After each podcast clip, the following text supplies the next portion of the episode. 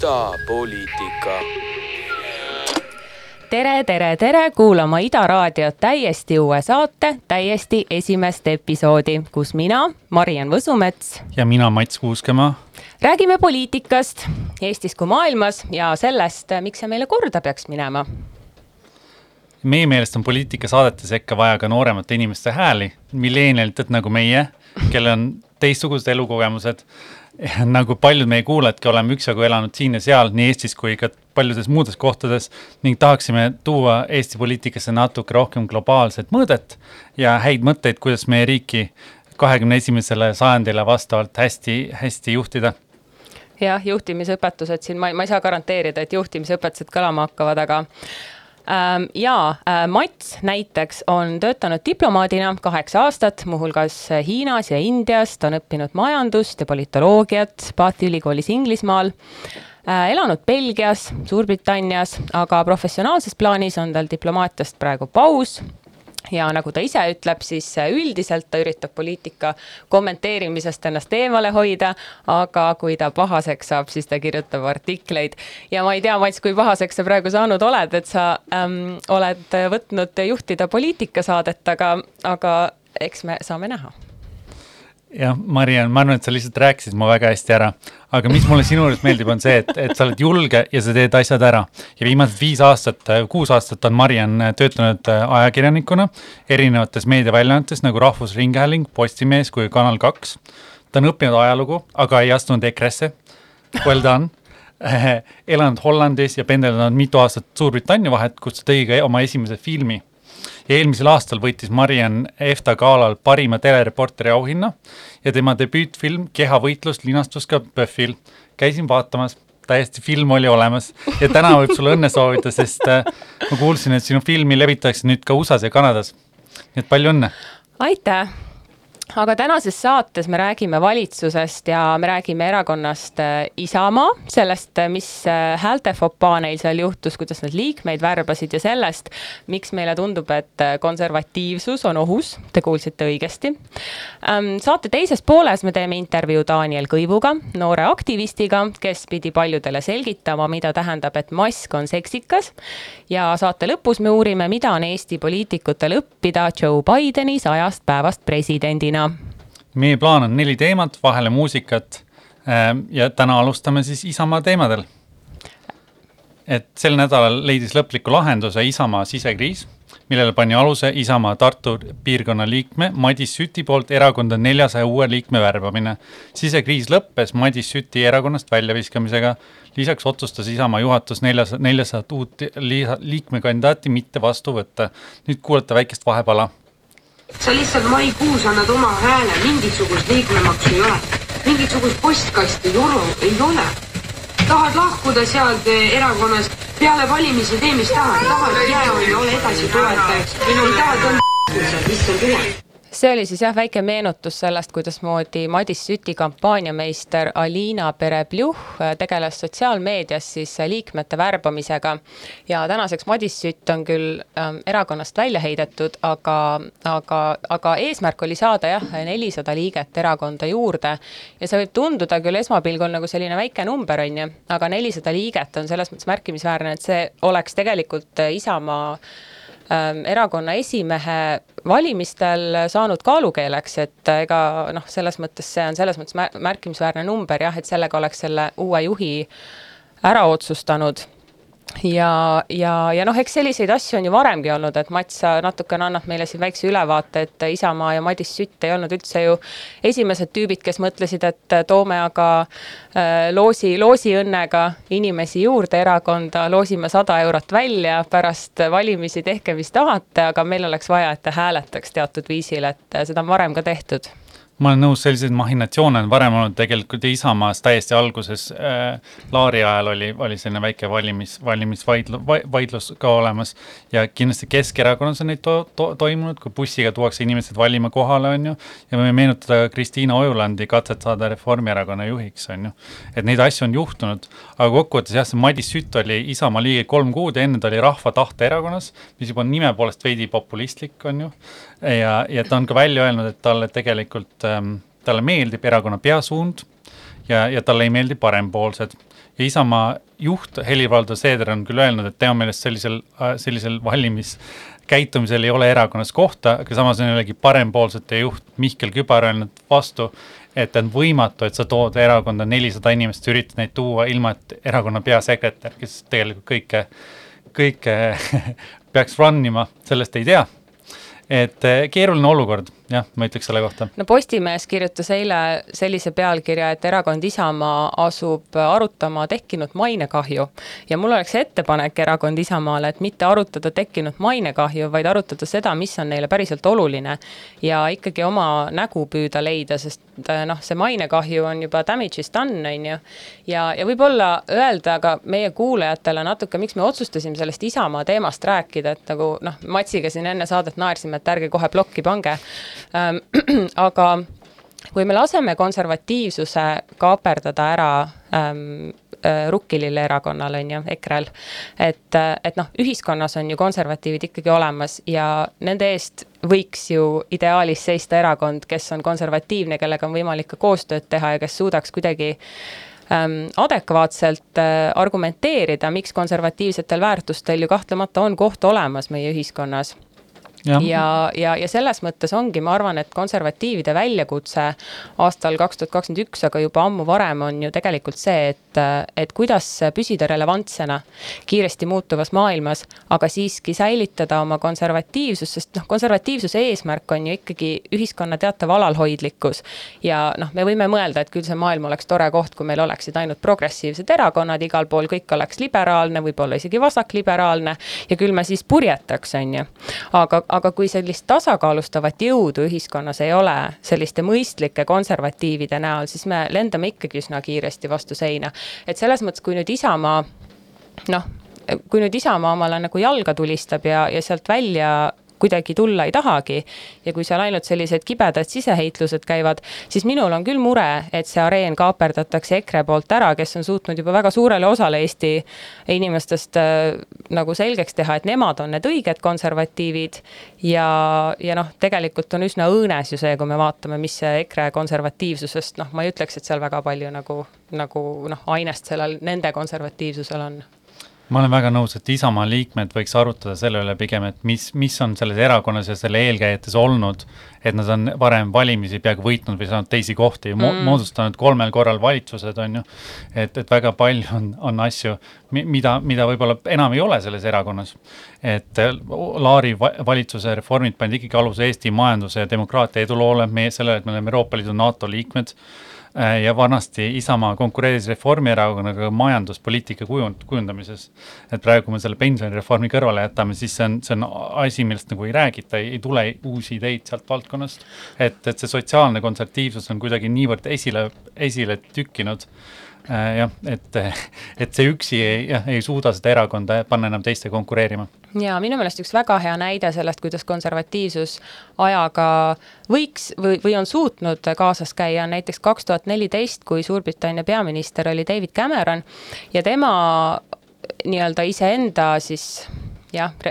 terve erakonna relevantsena hoidmiseks äh, tuli välja ju statement'iga, et äh, et geiabielud võiks legaliseerida mitte vaatamata sellele, et ta on konservatiiv, vaid just selle tõttu, et ta on konservatiiv. sest abielu on niivõrd imeline ja kõik peaksid sellest osa saama. ja mina olen David Cameron ja ma olen konservatiiv. ja see läks väga hästi peale äh, loomulikult liberaalidele, aga ta suutis sellise väga lihtsa argumentatsiooniga ka oma valijatele ära põhjendada midagi, mis traditsiooniliselt ei ole konservatiivide platvorm ju kindlasti kunagi olnud. et see on lihtsalt selline väga lihtne näide sellest, kuidas äh, oma sõnumit äh, noh, tuua ajaga kaasas käima jah, muidugi Isamaa tuumik praegu, kui me vaatame, kes, kes kõige rohkem domineerib seal erakonnas, on Helir-Valdor Seeder, Riina Solman, Priit Sibul, Urmas Reinsalu, et nendele sellist uut sotsiaalseid mõtteid pähe panna ei ole kindlasti lihtne. et selles mõttes just parempoolsete roll on, ei ole, ei ole lihtne selles ühiskonnas, et soovin neile mõnes mõttes edu. aga mis on huvitav jah, et kuidas Isamaa Liidust ikkagi sai, sai sellest ja Res Publicast sai praegune Isamaa. et, et päris palju on, palju on muutunud, viimati nad või, peaaegu võitsid valimised, nad said teise koha Eesti, Eesti mõistes ja ka Tallinnas kohalikel valimistel, äh, mis olid äh, kaks tuhat kolmteist aastal mm. -hmm. ja siis oli Eerik-Niiles Kross, ta linnapeakandidaat, väga edukas ja, ja Yoko Alender samuti ja need mõlemad tegelikult astusid sealt erakonnast suhteliselt kiiresti Marko välja. Marko Mihkelson joostus välja ähm,. absoluutselt, et ja teine asi on see, et mis, mida, mille üle vaieldakse, on see, et, et kas parempoolsed ja Isamaa tuumik suudavad omavahel ära leppida. ja võib-olla üks asi, mida ma vaatan, et kui Seeder sai Isamaa esimeheks kaks tuhat seitseteist mai, on ju, siis ta vahetas välja viiest ministrist, Isamaa ministrist kolm, kõik Res Publica omad võeti tagasi, Tsahkna, eelmine Isamaa juht, Pomerants ja Sester ja pärast seda oligi, et Tsahkna ja Mihkelson astusid kohe välja, et nad võib-olla tundsid, et neil ei ole enam seal kohta. et neil ei ole kellegagi arutada, et, et me näeme sellest, selle erakonna ajaloost, et hästi paljud inimesed nagu mingi hetk põgenevad, nad annavad alla. ja me vaatame Reformierakonna fraktsioonis Riigikogus istub neli endist Isamaa liiget mm. -hmm. et mõeldes, et, et see Isamaal on olnud nagu teine, natuke liberaalsem pool, aga nad on lihtsalt alla andnud, nad on läinud ära no vot see, mida sa praegu kirjeldad, ongi ju selline noh, niisugune isikukultuse tekkimine teatavas mõttes on ju, et kui tuleb keegi juht, kes hakkab ridu puhastama ja, ja noh, siis ongi niimoodi, et lõpuks minnakse, minnakse teise erakonda ja lähevad need, kellest ka midagi oleneb. täpselt nende nelja inimese näitel, keda sa praegu kirjeldasid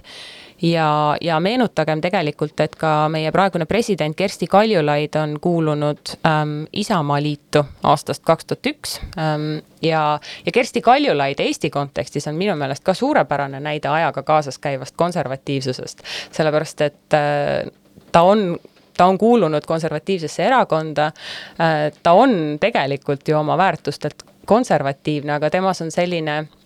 selline pehmus ja hoolivus ja empaatia ja samas ka Euroopa Kontrollikojast see nii-öelda rahvusvaheline kogemus, mis, mis ma arvan, mõjuks nagu sõõm värsket õhku, kui Isamaa erakond endale ka, ka praegu selliseid liikmeid rohkem juurde saaks, et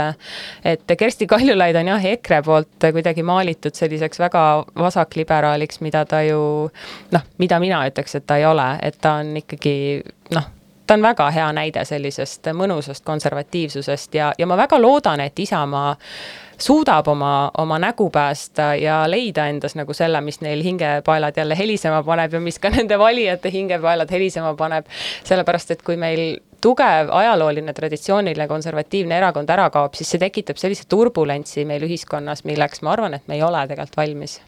jah, ma ütleks ka seda, et parempoolsed on tegelikult üksjagu aega juba äh, pikalt olemas olnud, nad ei ole sealt erakonnast lahku löönud, et inimestel on soovi seda erakonda seestpoolt muuta. ja, ja kindlasti selle seit-, üle seitsme tuhande liikme seas, mis Isamaal on, on, on palju tegelikult väga, üsna avatud äh, suhtumisega inimesi ka. et kõik ei ole löönud käega ja, ja ma olen väga nõus sellega, et, et Eestil on vaja ka häid äh, parempoolseid erakondi, et et paljudes riikides on nad äh, jätkuvalt võimul, konservatiivsed erakonnad Saksamaal, Hispaanias, Suurbritannias. et nad on pidanud ajaga kaasas käima ja otsima neid uusi teemasid, huvitavaid teemasid, et ühiskonnale nad laiemalt müüa ja see on selge, et, et Isamaa peab neid nüüd otsima. no kuidas sulle tundub, kas see parempoolsete ja nii-öelda Isamaa tuumiku leppimine on selline reaalne siin lähitulevikus, sest ega neil, kui me nüüd ausad oleme, väga palju ju aega ei ole, kohalikud valimised on tulemas äh, kahe aasta pärast kui Riigikogu valimised, aga, aga, aga näed sa seal seda, seda potentsiaali? See on hästi raske on seda ennustust teha, aga ma panin tähele jah, et, et ka Reinsalu ütles, et koha, et võiks olla valimised enne, enne kohalikke valimisi, nii et võib-olla meil on kandidaate, uusi kandidaate, kes soovivad astuda Isamaa etteotsa jah, ja Isamaaga on ju alati kaasas käinud see küsimus, et miks nende erakonnas nii vähe naisi on ja eelmises valitsuses neil oli isegi Kaia Iva oli, oli ministriks pandud, kes oli minu meelest täiesti, täiesti adekvaatne ja teovõimeline minister ja, ja noh, Lavly Perling, eks ole, praegu on nendega liitumas, et, et tegelikult seda huvi kuidagi mulle tundub nagu äh, sellise noh, konservatiivsuse juurde ikkagi inimestel minna on ja, ja Eesti on konservatiivne ühiskond, et, et võib-olla siis panustagem tõesti, kui, kui see valik on konservatiivsuse kasuks, et siis olgu see siis sellise adekvaatse, teovõimelise ja, ja, ja sisuka konservatiivsuse kasuks, et lõppkokkuvõttes, kui konservatiivid endale ka mingi esindaja saavad, siis see esindaja peab suutma läbi rääkida, eks ole, teiste erakondadega, ta peab suutma valitsuses siis ka päriselt seista nende inimeste huvide eest, mitte lihtsalt äh, nuia käima tagumas, et äh,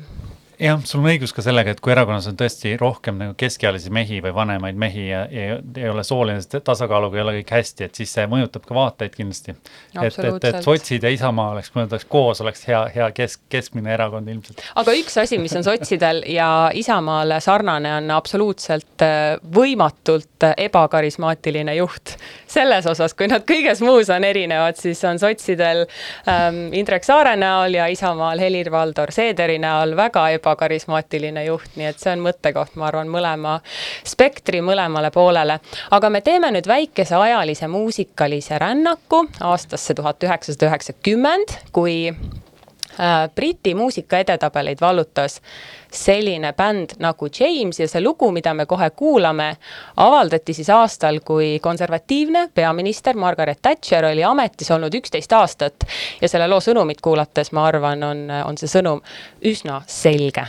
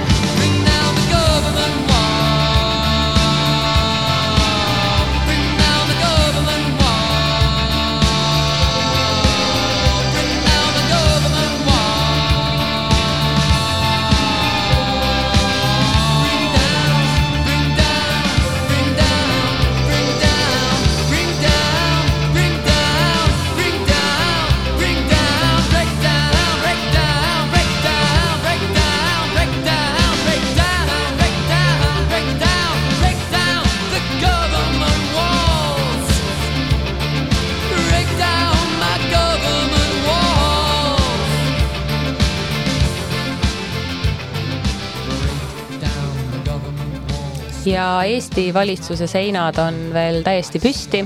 ja see on väga hea, sellepärast et igal neljapäeval toimub äh, valitsuse pressikonverents, nii ka täna,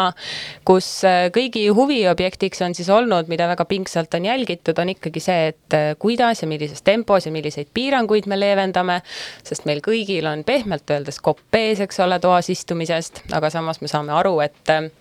karjalaskepäeva ka ei saa teha ja olgugi, et kolmandast maist on on äh, mõned piirangud siis juba leevendatud ja, ja hoolimata sellest, et tegelikult väga vähe ju leevendati, ainult algklassid, lõpuklassid läksid kooli, väliterrassil tohib istuda, äh, kui ma aknast välja vaatan, väliterrassil keegi ei istu, aga hoolimata sellest, noh, karjalaskepäev, ma arvan, äh, on veel pehme kirjeldus sellele, et inimesed ikkagi noh, noh, ikkagi see tung on nagu suur pärast seda pikka lockdowni muidugi välja saada. ja, ja, ja noh, tõsi on see, et valitsus nagu balansseerib väga õhukesel jääl ja, ja me kuulamegi nüüd võib-olla siis äh, meenutuseks, äh, mida Kaja Kallas meile ütles piirangute kohta. Praegused piirangud kehtivad kuueteistkümnenda äh, maini, järgmisel teisipäeval vaatame uuesti üle piirangute võimaliku leevendamise, sest et, et me peame või kõnnime ikkagi väga õhukesel jääl ja saame neid leevendusi teha järk-järgult. no Mats, kumba leeri sina kuulud, kas sina oled see leer, et ranged piirangud, viirus alla ja alles siis me räägime majanduse taaskäivitamisest või sa oled see leer, kes ütleb, et äh, üritame kuidagi balansseerida ja see meie kõigi lemmikväljend õppida viirusega elama, kumb sa oled? jah, see on jube väljend õppida viirusega elama, aga Hollandil oli sama dilemma, et nad plaanisid see nädal avada riiki veidi, veidi rohkem ja nad lõp-, otsustasid selle lõpuks edasi lükata, et kõik olid suurel ootusel, aga, aga haiglad täituvad ja numbrid kasvavad et needsamad probleemid on igal pool ja mõnes mõttes ongi valitsused tegelikult täiesti võimatus olukorras, et nad igatepidi, ükskõik mis otsuse nad teevad, tegelikult eh, suur osa ühiskonnast ei ole rahul, on ju. ärid jäävad elamata, elud jäävad elamata, lapsed ei saa koolis käia, kõik on närvis, on ju mm. -hmm. et ja teine, teine on jällegi see, et numbrid kasvavad, et senikaua, kui meil numbrid on väga madalal, ongi kogu aeg on halb olukord põhimõtteliselt. kuigi samas numbrid ei ole meil tegelikult, nad nüüd nii madalal ei ole, nad on umbes seal, kus nad olid novembris, on ju, et ikkagi niisugune kolm, noh, mõni päev ka nelisada. ja, ja ma olen ise tegelikult kogu aeg kuulunud pigem nagu sellesse seltskonda, kes on sellise karmima lockdown'i poolt, sellepärast et iga elu, mida me suudame päästa, on seda päästmist väärt, mis tahes see majanduslik kahju siis ka ei ole, aga äh, sellel esmaspäeval ma tegin siis oma töö tõttu intervjuu ühe kooli direktoriga, äh, Tallinna Saksa Gümnaasiumi direktoriga ja ma küsisin, et noh, kas on siis nagu, on see nagu seda väärt, et me nüüd need mingid klassid jälle kooli tagasi toome, et see viirus hakkab ju kohe levima. ja ta rääkis mulle tegelikult päris südantlõhestavalt sellest, kuidasmoodi laste vaimne tervis on ikka reaalselt, reaalselt kõvasti kannatanud ja see tekitab omakorda nii-öelda rahva tervise probleeme juurde. ja tulles valitsuse juurde tagasi, siis ähm, soovimata sellele valitsusele nüüd väga palju praise'i anda, lihtsalt on ju niisama, aga siiski vaimse tervise teema teemale pühendas sotsiaalkaitseminister Signe Riisalo täna enneolematult pika äh, ploki ja me kuulame seda etteastet korra. ja nii nagu noored inimesed ütlevad ja targasti ütlevad ja neid tuleb rohkem kuulata, vaimse tervise teemad ei ole tekkinud praeguse tervisekriisiga, vaid nad on olnud meiega kogu aeg ja see kriis lihtsalt võimendab neid ja me märkame neid äh, uuel ja teistsugusel moel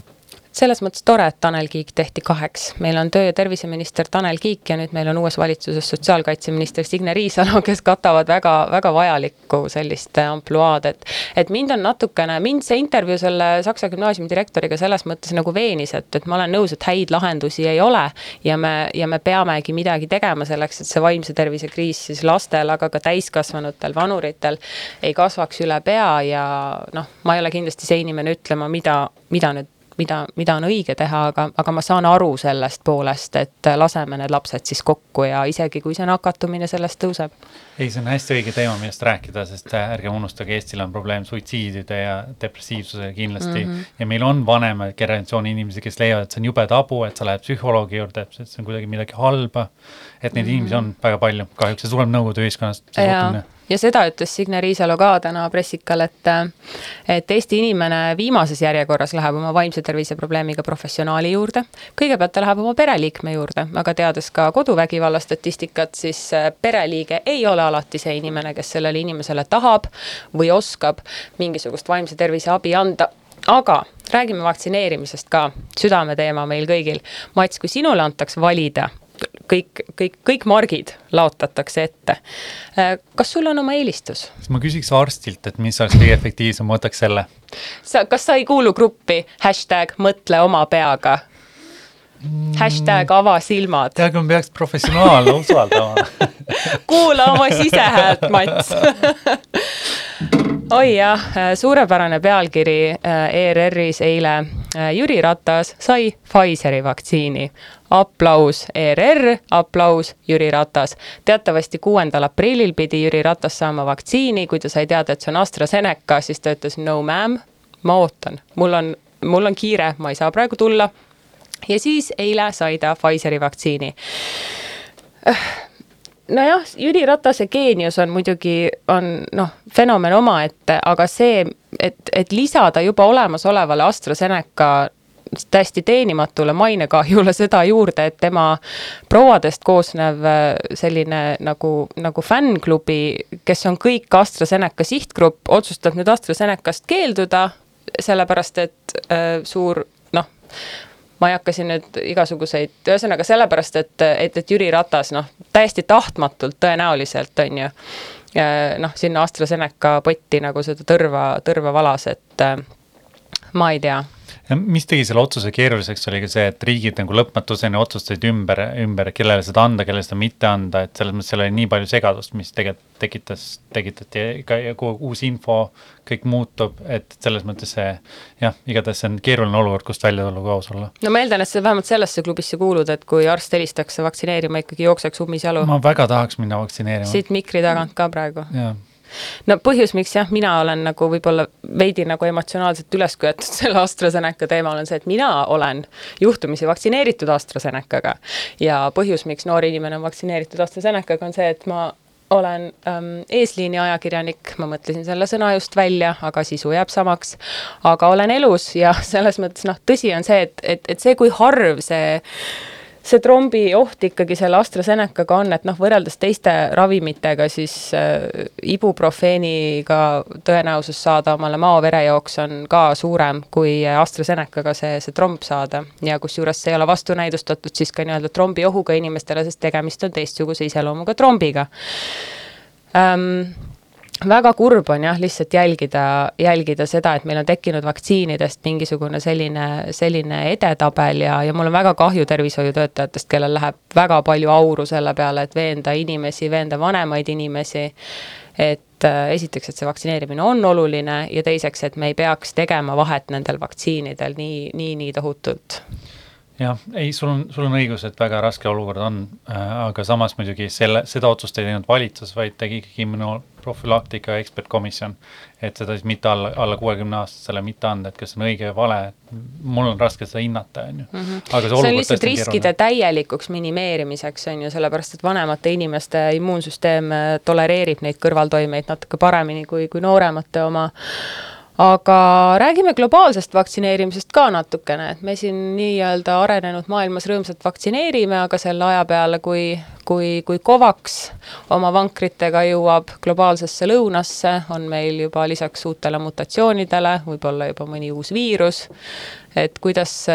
kuidas sa seda jälgid, sa oled ju, issand jumal, India, Hiina, Mats, need on ju sinu, need on ju sinu pärusmaad, et äh, sa oled, sa oled tuttav nende kultuuridega? mõlemad riigid tegelikult on päris palju vaktsiine tootnud ja ka teistele riikidele andnud, just see vaktsiinidiplomaatia kui selline on päris suur teema ja nad üritavad siis oma liitlassuhteid sellega arendada, et väikestele riikidele vaktsiine anda. Indias juhtus lihtsalt selline olukord, et, et nad tõesti ei, ei kaitsnud ennast koroona eest. Äh, numbrid kasvasid väga suurelt, on ju, tohutud protestid olid Äh, poliitilised üritused, lubati valimistel osaleda, peaminister osales seal suurtes massides. et, et see asi läks käest ära, nad ise ei jõudnud nagu õigel ajal ennast ka piisavalt vaktsineerida, on ju. et, et, et see on nii-öelda kahe, kahe, kahe teraga mõõk. jaa no selles mõttes maailm, maailma lõpu meeleolu natukene tekitab see kõik ja, ja maailma lõpu meeleolu tekitab ka see lugu, mida me järgmiseks kuulame, Mats, see lugu on üks aasta vanem kui sina. Ma ütlen meile hästi ruttu positiivse asja, et Biden otsustas täna,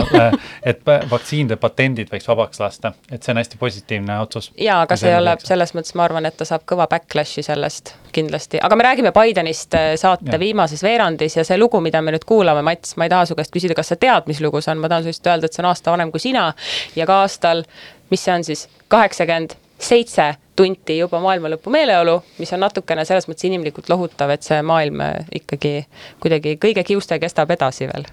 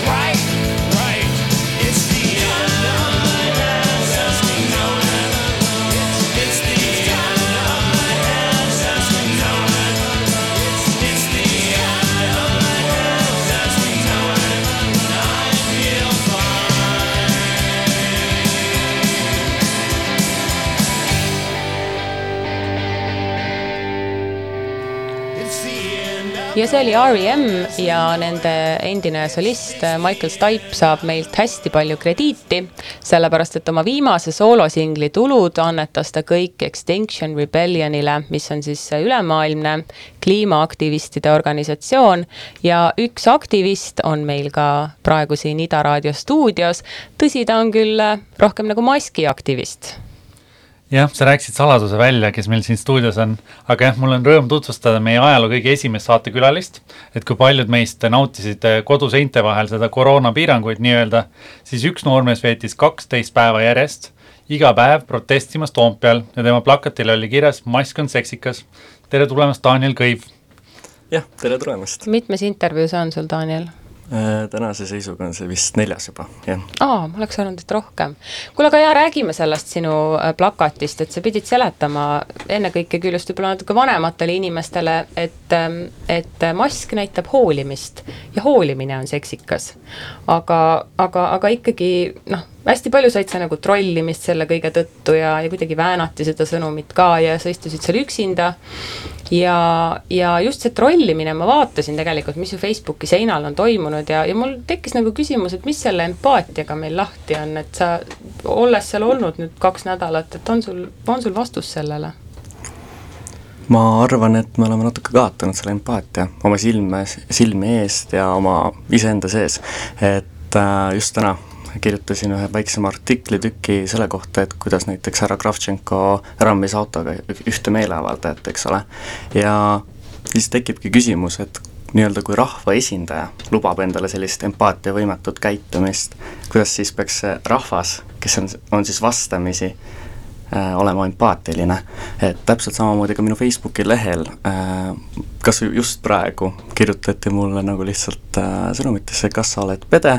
nude for nude, eks ole. et nagu igapäevaselt tuleb selliseid asju ja ma kardan, et äh,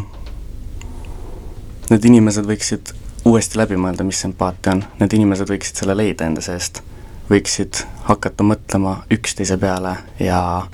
võiksid leida selle ühisosa, mitte selle kraavi, mille nad on nii-öelda kokku kaevanud. see kraav on hea piltlik näide tõesti, väga mõtlemapanev, mida sa meile räägid täna. ja see oli ka probleem muidugi eelmise valitsusega, mis palju inimesi häiris, et just kõige ülevalt poolt solvatakse inimesi aga meie Marianiga oleme tegelikult kooli lõpetanud juba mõned aastad tagasi, natuke on aega mööda läinud, aga mõtlesime sinuga rääkida sel teemal.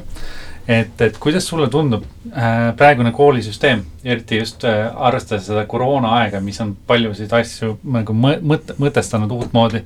et kas, kas meie koolisüsteem kõnetab noori inimesi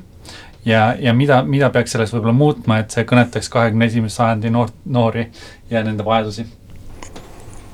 nii, alustaks kohe algusest, et äh, kas ta kõnetab, ma arvan, et äh, juba mitte.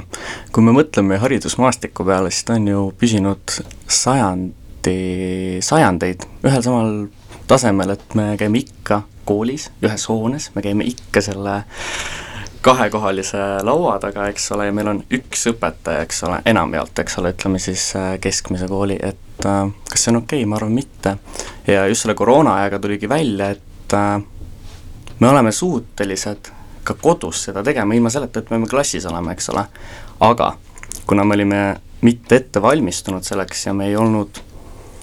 suutelised kiirelt reageerima nendele muutustele, näiteks äh, me ei ole siiani loo-, loonud ühtse nii-öelda mingi haridusvõrgu või selle digivõrgu, kus õpilane saakski teha kõike, saaks nii-öelda kodutöid näha, saaks videotunnis osaleda, saaks töid saata, et selle asemel meil on Teams, meil on Zoom, meil on e-kool ja stuudio, mis iganes veel, neid on niivõrd palju ja konkreetsetest ettepanekutest kohe, mida võiks praegu ära teha, on see, et tehke üks ühtne süsteem, kus sa saad kõike seda teha. et äh, teine ettepanek on see, et kui ma mõtlen sellele, millest mul jäi puudu, eks ole, kooli nüüd ajal, kui oli koroona, personaalne lähenemine, minu meelest, kui sa oled kodus digiõppes, siis see on kõige kergem personaalne lähenemine, mida saab teha. sa saadad töö ja õpetaja ei pea otseselt terve klassi ees igale pühenduma. ma saan aru, et meil on õpetajate puudus ma saan aru, kui raske neil on, aga kui sa oled kodus ja sul on meil, siis sul on võimalus vastata kas või kahe lausega sellele õpilasele. mitte selle asemel, et sa paned talle kahe ütled, et homme on järeltöö. Et need on nüüd võib-olla kaks konkreetset ettepanekut, mida võiks teha. see on selline tehniline kirjeldus praegu, mis sa räägid, aga, aga, aga sisu poolest, kas sulle tundub, et see, mida sa õpid, saad sa selles mõttes midagi uut teada, mis on sulle ka kuidagi nagu, nagu relevantne ja, ja millest noh, millest sul oleks abi nagu oma igapäevaelus või mitte isegi igapäevaelus, aga kas sa tunned, et see on nagu kaasaegne, see, selle õppe sisu või, või võiks midagi ka sisu poolest muuta? Äh, ma arvan, et mul on vedanud, et ma olen käinud ikkagi selles mõttes nii-öelda innovatiivsetes koolides, et näiteks KSG, eks ole, Kadrioru Saksa Gümnaasium, et mul olid kõik võimalused erinevad ained nagu ma ei tea, multimeedia, turundus äh,, väitlus, mis iganes, mis mind huvitas, eks ole, aga kui ma mõtlen selle lapse peale, kes on kuskil Võrus või on kuskil Kuressaares, eks ole, ega tal ei olegi neid võimalusi. tal on äh, veel enam kui nüüd kärp-, kärbitakse nagu pool huvihariduse rahast. tal ei ole neid võimalusi ennast teostada ja see ongi see küsimus, et meil on niigi kriis selles valdkonnas ja nüüd me tekitame sinna veel suurema kriisi. et sisuliselt sisu poolest ongi see, et meil on vaja lihtsalt võimalusi, et ma ei nõustu niimoodi, et äh, nüüd see sisu iseenesest oleks halb. Ma ei arva, eks need õppekavad on vägagi head, küsimus on selles, kas need õppekavad on ka päriselus olemas ja vot siin on, see on probleemi koht, et neid ei ole. No Mats, kui sa kuulad praegu Danieli, sa ütlesid mulle enne saadet, et sa tunned Danielis ära seitsmeteistaastase enda, kas see pädeb jätkuvalt? Ei ma, mida noorem, seda julgem mõnes mõttes inimene on ja see ongi väga hea ja selles mõttes sa oledki inspiratsioon meile kõigile oma protestimisega. et me tundsime, tundsime, et, et keegi, keegi teeb seda õiget asja meie eest. me olime sinuga seal ja kui palju sa nende protestijatega nagu päriselt suhtlesid, kes seal kohapeal olid, et neid oli seal ikka, ikka omajagu, mõni, mõnikümmend ikka oli? Ma ikka suhtlesin ikka iga hetk, mis seal oli. kas sa selle lõvikuningaga ka suhtlesid? oi, lõvikuningas tuli iga päev ja kiitis ka, ta kiitis ükskord mu smuutit, teinekord kiitis mu maske, igapäevaselt siiamaani, kui ma olin viimast korda, siis ta siiamaani kiitis neid maske, et jah lõvikuningas äh, püüdis pilku suhteliselt problemaatilise sõnavõtuga Postimehes, et ähm, kuulame seda korra. ma sala, alati sattun laste seltskonda, siis ma olen ise niisugune lapsemeelne ma, mängime siukseid mänge, tead noh, ma ei tea, mida keegi ma kunagi mänginud ei ole. näiteks kaks nädalat tagasi ma käisin Rakkes. Äh, me tegime mudasõda. panime aluspüksid jalga ja, ja läksime õue ja, ja viskasime üksteist mudaga. mul tekkis hästi palju küsimusi, kelle lapsed, miks aluspüksid, miks on neljakümne aastane mees, mis lapsed, tähendab, kuidas palun, et see on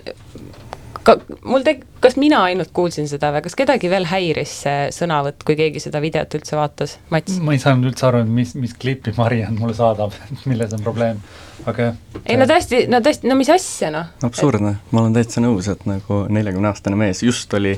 eelnevalt ju meedias igal pool, et jälle seksuaalahistamine ja jälle seksuaalahistamine, veel kord, see ei ole okei okay jah, no selles mõttes ma, ma ei, ma ei kirjutaks talle nüüd praegu külge midagi, mis ei ole tõestatud, aga mis ei ole tõenäoliselt ka uuritud, aga minu jaoks see sõnavõtt on problemaatiline ja ma tahaks, et keegi sellega tegeleks, aga võib-olla ma kuulaks huviga, kuna ta meil jutuks tuli, siis äh, mis mulje sinul temaga suhtlemisest jäi? Sest noh, tegemist, ütleme kuulajale ka, tegemist on ikkagi ühe peamise agitaatoriga, nende eestvedajaga, kes seal oli, see oli siis see mees, kes ruuporiga seal iga hommik kohal oli ja ta oli seal õhtuni välja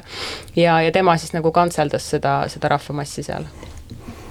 ähm,? Ma nüüd, olles aus, ma võin öelda, et inimesena ta on suhteliselt meeldiv, ta on alati püsinud viisakas, et ta ei ole kunagi solvanud, kunagi ei ole nagu riivanud mu tundeid samas teades, mida ta teeb, eks küsimus on selles, et miks ta seda teeb minu jaoks, mitte selles, et ta teeb seda. küsimus on selles, miks ta on hakanud tegema äh, neid proteste, miks? kas see on mingi, ma ei tea, kultuse tunne, et ma tahan nüüd olla jumal, kuningas, eks ole, või hoopis see, et äh, keegi on ta üksi jätnud e, ja see keegi võib-olla on riik, eks ole. et noh, teadaolevalt on kaotanud ju töö ja nii edasi, eks ole. et seal on nii palju neid tegureid, millele võiks otsa vaadata ja aru saada, kuidas selle probleemi lahendada. et ma usun, et igaüks meist siin ruumis ja üleüldse nagu Eestis võib öelda, et vot, see on lõvikuningas, ta on halb, eks ole, ahistab lapsi ja keda iganes veel, aga kuidas me lahendame seda, et äh, see lõvikuningas lõpetaks äh, seda tegemast siis tegemast siis ja ma olen hästi nõus selles mõttes, need, need, need tunded, mis inimesi motiveerivad, need tulevad alati kusagilt isiklikust kohast, aga olgu igaks juhuks klaaritud ära see, et me, me ei poogi talle külge laste ahistamist lihtsalt lihtsalt see tema sõnavõtt oli selles mõttes murettekitav, võib-olla loodetavasti seal taga ei ole midagi, aga lihtsalt teades, et need asjad jäävad alati märkamatuks, kui me ei võta sellel sõnasabast kinni, siis, siis noh, ma arvan, et see lihtsalt nagu vääris, vääris tähelepanu. ja ma korra lisan, et isegi see sõnavõtt on juba nagu signaal ühiskonnale, isegi kui seda ei toimunud, siis ta näitab, et see on okei okay,, et ta võib niimoodi teha ja see ei ole okei okay.. ja see on, see on täpselt näide ka sellest, et mida võiks ise nagu oma tutvusringkonnas tähele panna, et kui mingid sellised sellised mingid sellised vihjed või niisugused sõnakõlksud kusagilt käivad, et, et noh, see, see ongi täpselt nagu nii satsõl, et me ei märka seda. jah. jah, tore on see, et äh, sinus on empaatiavõimet alles, et tore seda vastuses kuulda, aga sa natuke puutusid juba ühte teemat, millest me tahtsime ka rääkida, on ju, et Eestis on olnud eelarve tasakaal äh, poliitikas suhteliselt religioosne teema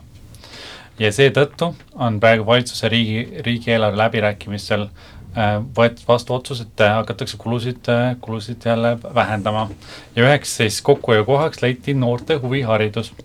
Aga räägi meile, mis sina arvad, et mida annab noortele huviharidus ning mil määral võiksid riigi kulutused sellele olla põhjendatud ka siis, kui raha teie taga ei ole?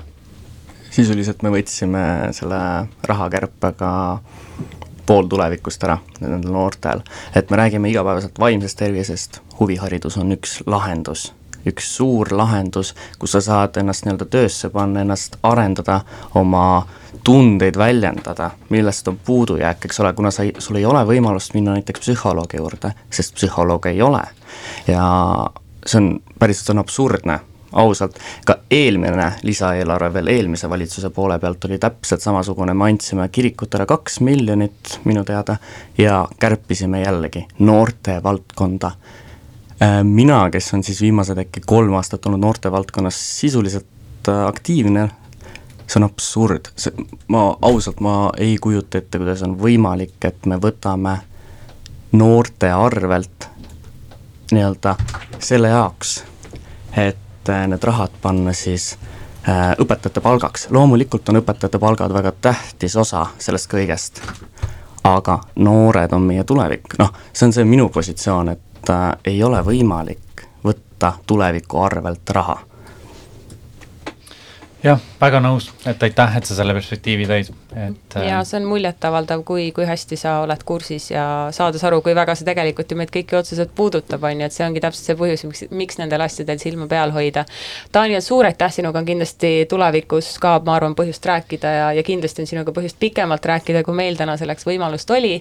aga järgmisena ja saate viimases veerandis me vaatame põgusalt otsa äh, USA presidendi Joe Bideni esimesele sajale päevale ja me kuulame sissejuhatuseks ühte tema kampaanialugu, mida ta siis oma kampaania viimastel nädalatel väga ohtralt kasutas ja ma palun kõigil ette kujutada, visualiseerida Joe Bidenit poodiumile kruuvimas selle laulu saatel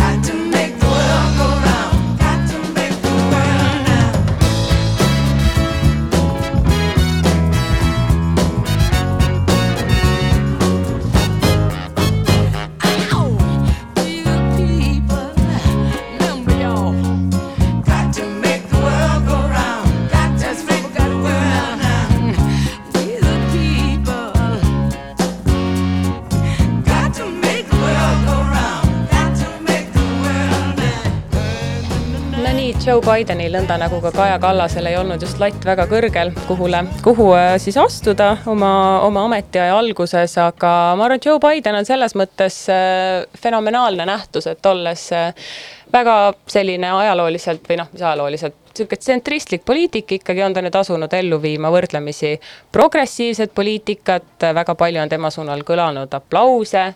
ja, ja ta on suutnud vältida päris palju selliseid ähm, polariseerivaid sõnu nagu immigratsioon, ta ei ole isegi Trumpile väga palju nii-öelda tagantjärgi kaikaid ähm,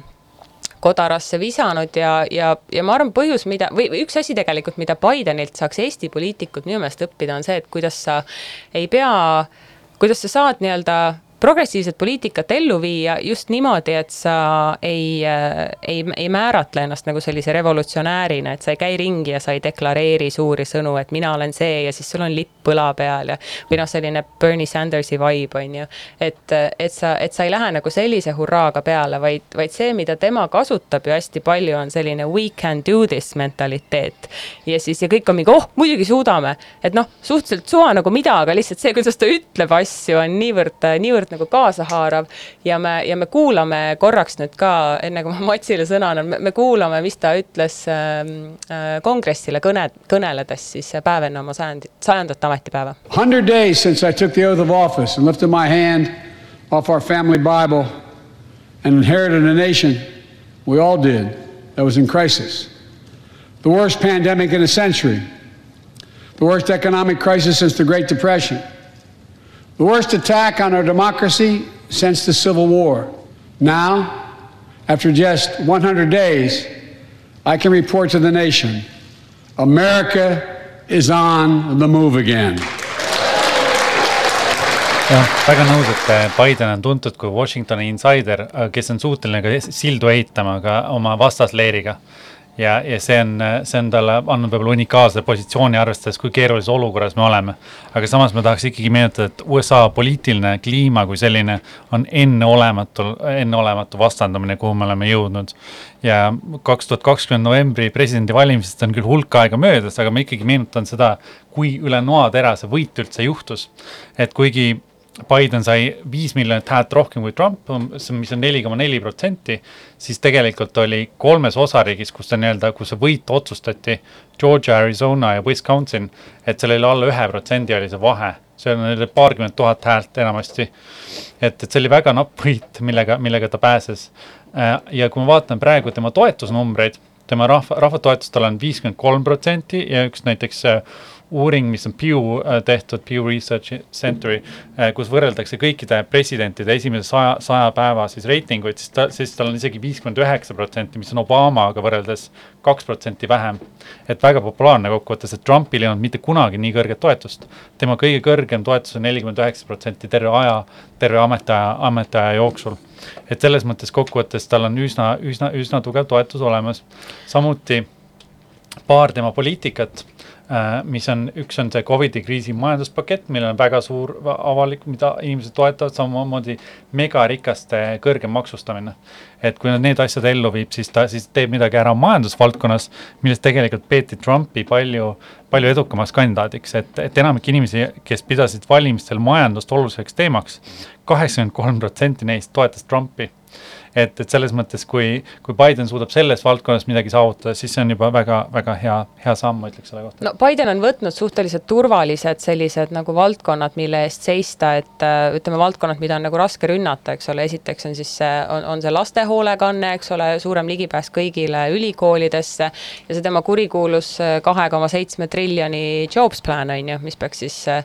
parandama seal noh, sildu ja teid ja kõike seda, et see on noh, nii-öelda võib öelda, et see on niisugune infrastruktuuri nii-öelda raha betooni valamine, aga samas noh, eesmärk on ikkagi tekitada töökohti äh, majanduses, mis on, mis on väga räsitud, kus töökohad, töökohad on, on, on kaduma hakanud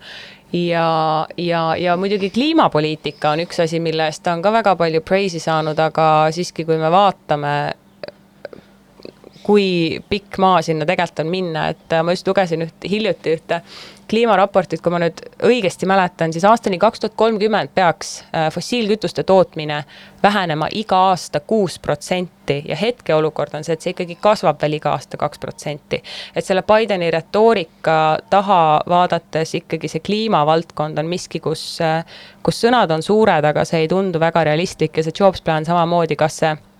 kas see senatis läbi läheb, on, on väga küsitav, sest et see on väga kallis aga, aga noh, ütleme noh, kusagilt peab alustama, on ju, et selles mõttes ta on ja, ja ka see, kuidasmoodi ta seda kliimapoliitikat, mis on tohutult ebaseksikas teema, kui me nüüd aus oleme, kes see viitsib kliimast, on ju, kuulata, ometi me oleme ikkagi totaalse globaalse katastroofi äärel, kui me mõtleme kui me mõtleme kliimateemadele, et see, kuidas ta on suutnud sõnastada selle kui võimaluse investeerida ja võimaluse luua töökohti, selle asemel, et rääkida inimestele sellest, et ostke vähem kilekotte ja selle asemel, et nii-öelda inimeste suunas näpuga viibutada, siis see on taaskord selline koht, kus nagu Bideni retoorikast oleks hästi palju teiste riikide poliitikutel õppida ja minu lemmikasi absoluutselt on Bideni Instagram ja, ja mitte nii väga Kaja Kallase Instagram, kus sa saad selge sõnumi mõnusa heliseva muusika saatel öelda sõnumeid hästi lihtsalt ja ma, ma julgeks panna suure osa sellest toetusest, mida sa kirjeldasid, mis Bidenile osaks on saanud, just selle arvele et ta on selline, selline meeldiv müügimees, kes ei käi ja ei tao nagu trummi otseselt. ja, ja ta ütleb we can do this ja ta on sihuke hästi sujuv, aga samas tema poliitika sisult on ikkagi nagu progressiivne. jah, aga ta näeb selline natuke ohutu välja, võib-olla see, see. ta on ohu, täpselt, täpselt. Aga jah, ma olen väga nõus, et Ameerika on tegelikult väga ressursirohke ühiskond on ju, et, et see, kui palju äh, süsinikku kulub ühe siis majandus, majanduse äh, ühiku nii-öelda tootmiseks on palju-palju suurem USA-s kui Euroopas näiteks. et neil on väga pikk tee minna, kui sa mõtled Ameerika elustiili, suured majad, suured autod, palju autosid, palju kõike, kõik kulu, et, et neil on pikk tee, kuhu minna, aga Pariisi lep-, kliimalepinguga taasühinemine oli muidugi ka esimene oluline samm, et vähemasti mm -hmm. need saavad Ameerika suurettevõtted tööle panna, et innovatsiooni toetada, et see on üks asi, mis Ameerikal on jällegi olemas. just, ja mis puudutab siis ülirikaste maksustamist, siis jutt käib ikkagi nendest inimestest, kes teenivad üle neljasaja tuhande dollari aastas, ehk siis nii-öelda inimeste, kelle maksukoorem on juba niigi suur, et siis ütleme, sellised keskmise palga teenijatelt ähm, või keskmise, ütleme, jõukusega ettevõtjate, nende rahakoti kallale ei minda jaa, ma tahaks hullult, Mats, küsida su käest, kuidasmoodi see diplomaatia tegemine seal ikkagi käib, ma hullult tahaks teada, kuidasmoodi meie Eesti äh, toredad äh, diplomaadid Washingtonis praegu noh, presidendiga tõenäoliselt iga päev lõunat söömas ei, ei käida, aga kui palju me üldse saame teha diplomaatiaga näiteks suhete taastamisel? ütleme nii, et väik-, väikestel riikidel ongi alati raske suurriigi uue administratsiooniga suhteid luua, aga samas Eesti on olnud selles üsna edukas. et eh, nii Bushi kui Obama kui Trumpi ajal meil tegelikult oli hea koostöö USA-ga ja kogu aeg see tugevnes, et eh, ma usun, et kindlasti leitakse need õiged, õiged teemad, aga samas ei ole lihtne, sa pead ennast huvitavaks tegema, sa pead leidma ühisosa, sa pead leidma neid asju, kus Ameerikat toetada, tihti on olnud need sõjalised missioonides, kus Eesti osaleb aktiivselt, miks me olime Afganistanis, Iraagis, sellepärast, et ehitada tugevaid suhteid USA-ga et, et sarnaseid teemasid, kus, kus seda administratsiooni toetada, me peame kindlasti leidma. aga Bidenil jah, tuleb edu soovida nii kliimas kui vaktsiinides kui kõikides muudes. ja me kindlasti jääme ootama seda, et tõenäoliselt juunikuus saab siis aset leidma Putini ja Bideni kohtumine.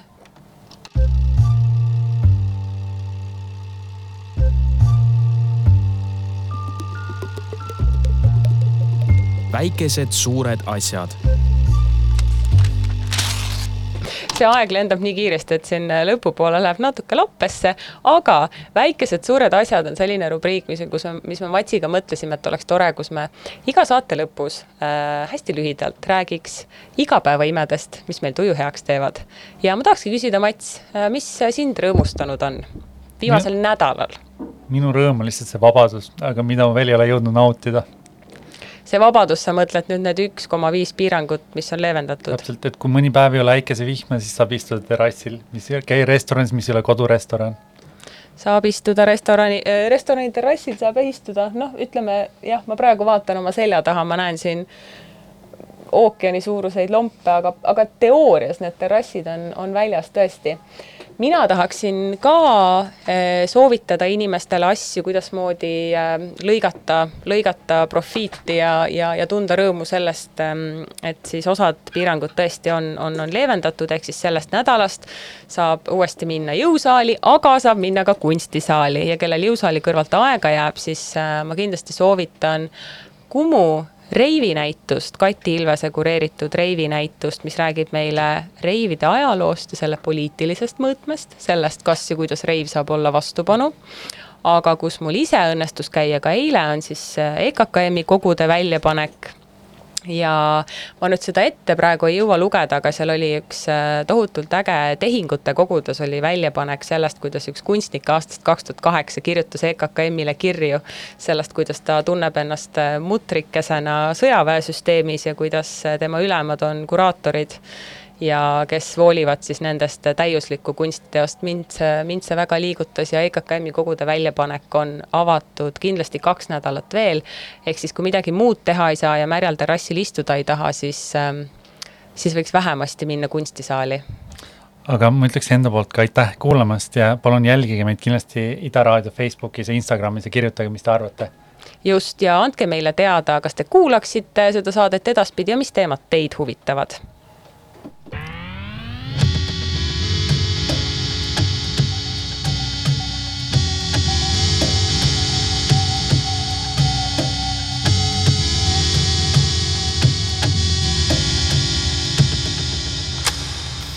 idapoliitika